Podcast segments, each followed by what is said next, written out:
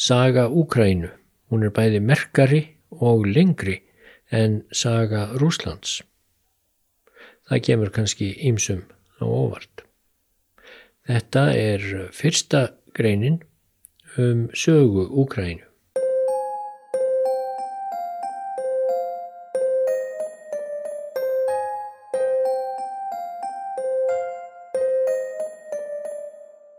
Ófríðvænlegt er nú kringum Úkrænu.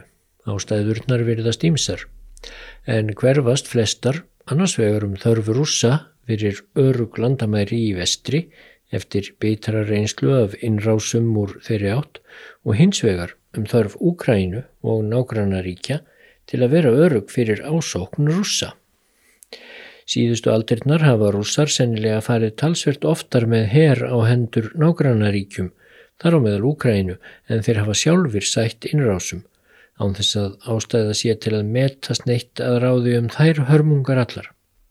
Og þá er heldur engin ástæða til að horfa fram hjá því að leiðtói rúsa vill beina aðtiklinni frá vaksandi vandamálum innanlands með því að magna upp óvinn utanlands. Það er gamalkunn brella harðstjóra og virðisnari alltaf virka. Annars ætla ég nú ekki í þessum pistli að rekja það sem nú er á segði heldur hitt sem á undan er gengið, sem sé sögu Úgrænu. Menn hafa búið í Úgrænu frá örofi alda og neanderdalsmenn þar á undan og eflaust fleiri manntegundir. Enda er þar gott til búsettu, veður far myllt og hlýtt í söðri og gnægð veiðidýra í skóum. Nýrðri hluti þess landsvæði sem við kallum nú Úkrænu nær norður í löfskóana miklu sem forðum tegðu sig eftir öllu hinnu tempraða belti Evrópu og að Úralfjöllum. Í síðri hlutanum fer að bera Í síðri hlutanum fer að bera á gresjum og þar er hinn svo kallaða svarta mold sem þykir engar frjósum og gerði Úkrænu eftirsóta mjög til kornræktar þegar þar aðkom. En fyrir um 7000 árum fór einmitt að rýsa á svæðinu, allt frá vestur hlutan úverendi Úkrænu og inn í Rúmeníu, merkileg menning sem fræðimenn hafa nefnt hinnu hljómfagra nafni Kukukteni Tripilja Þar var stundaður sjálfbær landbúnaður og efnahagur verðist hafa verið með mestu ágætum. Verkmentun var á háustígi og allt í blóma. Af ýmsum ástæðum áttuðu menn sig mjög seint á mikilvægi Kukuteni Tripilja menningarinnar en hún sínir að hinn hefðbundna mynd af upphafi menningar sem risið hafi engöngu við hinn miklu fljóti í Egiptalandi, Mesopotamíu eða Írak, Indlandi og Kína svo myndir alraung. Þóttu þau menningaríki við fljótin hafi vissulega tekið eindregna fóristu á ákveðinu tímabili sögunar. Nefnum hvað, fyrir 6.000 árum fór fólkið sem myndaði Kukuteni Tripilja menninguna að reysa stórar og miklar borgir sem er eiginlega fyrst að komast upp á yfirborðið bæði í eiginlegri og óeiginlegri merkingu nú allra síðustu áratugina. Tripilja heitir nú fáment sifjulegt sveitaþorp í Úkrænu 40 km sunnan við Kiev eða Kænugarð. En fyrir 6.000 árum var þar íðandi borg þar sem byggu alltaf 30.000 sálir. 30.000 sálir, best að endur taka það. Þetta var ótrúleg stærð fyrir þann tíma. Því miður er allt og fátt vitað um þessa borg og aðrar á svæðinu því þær voru margar. En ég skrifaði reyndar einu sinni e, grein eh, um borgina fyrir nokkrum árum og hana má finna á vef stundarinnar. Hún heitir Fundu Úkrænumenn upp líðræðið. Merkilegt þykir nefnilega að engin merki hafi fundist um yfirstjett eða einræði af neinu tægi í henni fornuborg Tripilja. Ótalmörgum heillandi spurningum er enn ósvarað um kúkuteni Tripilja menninguna. Fólkið virðist til dæmis hafa fundið upp hjólið en að því er virðist engu-engu notaða í barnaleikfung eins og mæjar í Amríku löngu setna. Og af hverju brendi fólkið borgir sínar á 60 til 80 ára fresti en byggðu þær síðan upp aftur nákvæmlega eins. Á því hefur ekki fundist skýring. En fyrir 5.000 árum kvarf þessi menning af sjónarsviðinu. Deilt er um ástæður þess en þær voru líklega af ímsu dagi. Talið er að hlínað hafi verulega á svæðinu ansist nöglega og hefðbundin landbúnaður og lifnaðarhættir kúkutenni tripilja fólks hafi raskast yllilega. Í kjálfar þess að gresjur breyttust mjög hratt út en þá leituðu hyrðingjar úr austri inn á svæðið, herskáir nokkuð og einbeittir eins og hyrðingja er gætnan hátur. Hyrðingjar vilja gætnan eignast ný lönd til að beita hjörðum sínum en ekki sitja kyrrir og rekta gardin sinn eins og jarðirkjubændur. Með hæfilegum einföldunum má segja að þarna hafi verið á ferð hópar eða þjóðir sem höfðu búið í austur hluta hinnar núverandi Úkrænu eða Donetsk héræðinu um skeið og má kalla Kurgana en þeir eru líka oft kendir við jamnæja menningu. Þetta fólk hóf heilmikla útrás í margar áttir fyrir 5.000 til 4.000 árum. Og þótt það sé ekki óumdelt þá telja margir fræðimenn að þessir tilteknu úkrænumenn hafi verið formæður og forfeður þeirra svo nefndu Indo-Evrópumanna sem mynduða líktum merk menningarríki á Indlandi og í Íran auk þess sem áhrif þeirra verðu allsaráðandi í Evrópu. Dakíumenn svo nefndir settu staði í Rúmeníu en formæður Kjelta, Gríkja, Rómverja, Germana og ótal fleiri þjóða heldur lengra í vesturátt. Um þetta leiti tömdu menn hesta í fyrsta sinn og gerðist það einhver staðar eða þó víða á svæðinu frá Úkrænu austur að norður hluta Kazakstans. Nú má en með hæfilegum einföldunum segja að í Úkrænu og síðstu héröðum hins núverandi Rúslands, þar að segja héröðunum norður af Svartahafi, hafi tekið við valda tíð skýða.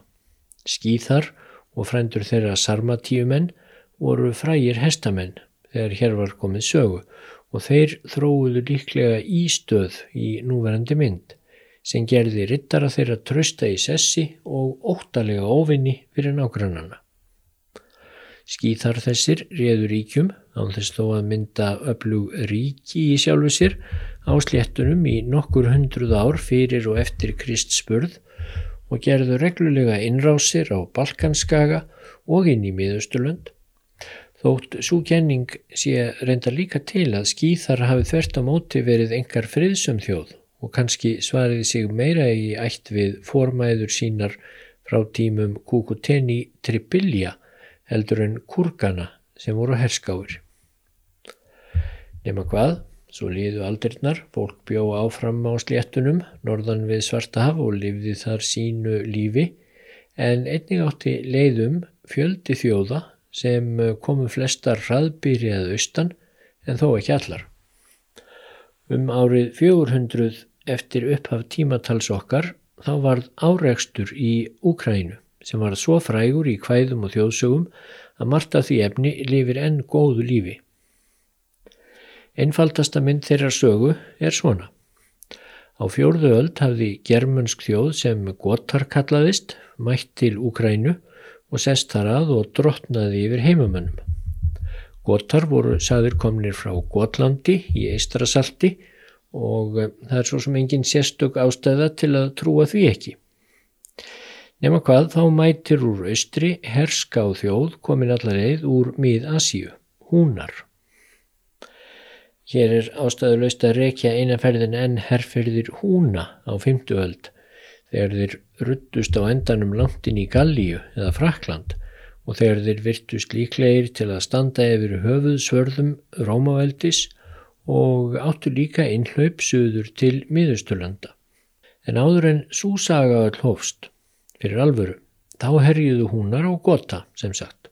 Gota sem höfðu gerst herra þjóða á hinnu forna yfiráðasvæði Kukuteni Tribilja menningarinnar. Skemst er frá því að segja að gotar fóru miklar hrakfærir. Þeim var sópað hastarlega að heiman og flúðu í ofbóði suður á Balkanskaga og síðan lengra í vestur. Þar genguður í lið með öðrum þjóðum og náðu þannig að hefna sína á húnum en um leið urðu til við varðeldana og kjöttkallana á kvöldin, sögur og kvæði um baráttuna við óvinnin úr austri.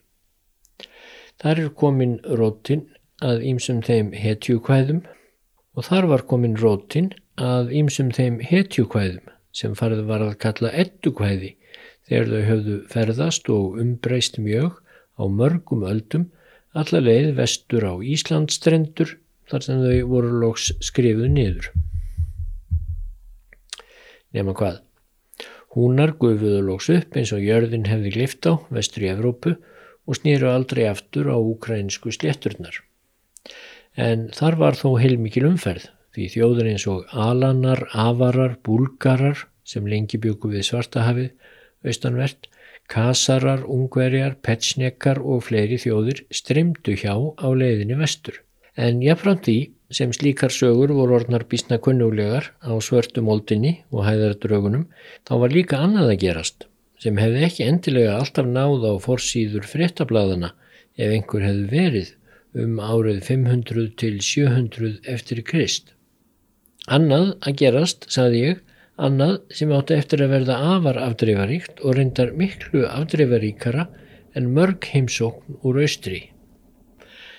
Við úr vestrinu innan úr mið-Evrópu var nýtt fólk farið að slá nýður hælum sínum á hennum ukrainsku sléttum og reyndar farið að feta sig lengra í norður líka inn í löfskóabeltið því úr vestri innan úr mið-Evrópu var nýtt fólk farið að slá nýður hælum sínum á hinnum ukrainsku sléttum og reyndar farið að feta sig lengra í norður líka inn í löfskóabeltið þar sem hafi verið að harla strjálbyggt miða við Úkrænu og annur svæði rétt norður af Svartahafi. En nú er þetta nýja fólk úr vestri rækilega að hasla sér völl.